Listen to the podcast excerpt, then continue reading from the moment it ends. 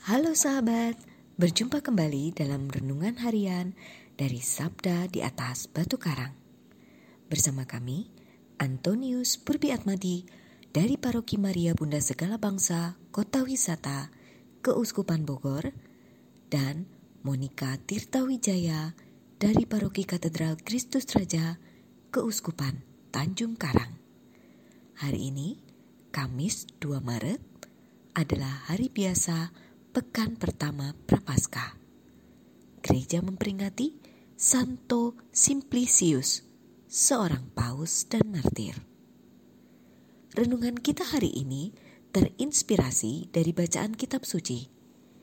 Bacaan pertama dari kitab Esther bab 4 ayat 10a 10c sampai dengan 12 dilanjutkan dengan ayat 17 sampai 19. Dan bacaan Injil suci dari Injil Matius bab 7 ayat 7 sampai dengan 12. Mari kita siapkan hati kita untuk mendengarkan sabda Tuhan. Dalam khotbah di bukit, Yesus berkata kepada murid-muridnya, Mintalah, maka kamu akan diberi. Carilah, maka kamu akan mendapat. Ketuklah, maka pintu akan dibukakan bagimu. Karena setiap orang yang meminta akan menerima, setiap orang yang mencari akan mendapat, dan setiap orang yang mengetuk, baginya pintu akan dibukakan.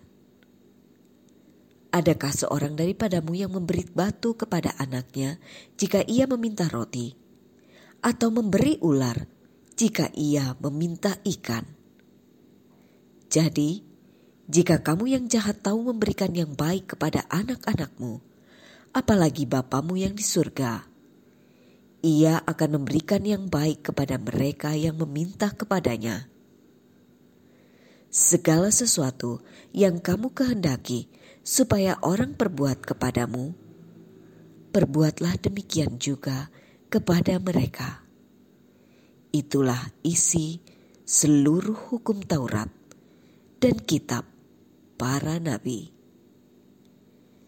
Demikianlah sabda Tuhan. Terpujilah Kristus. Saudara-saudari yang terkasih, dalam hal kita mengalami kesulitan, menderita sakit penyakit, atau musibah, tak henti-hentinya kita disuruh berdoa. Tetapi kita sendiri sering ragu-ragu akan kuasa doa. Mungkin itu yang menyebabkan kita malas berdoa, bukan? Dalam Injil hari ini, di hadapan orang banyak dan para muridnya, termasuk kita, Yesus mendorong kita untuk bertekun di dalam doa. Bertekun di dalam doa itu menunjukkan sikap tindakan yang harus kita lakukan terus-menerus.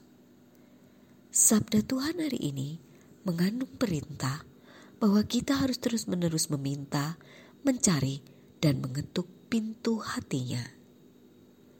Saudara-saudari yang terkasih, Semoga di masa prapaskah ini kita makin tekun berdoa dengan kesadaran bahwa kita meminta karena kita ada kebutuhan dan rasa kepercayaan bahwa Allah mendengarkan doa kita.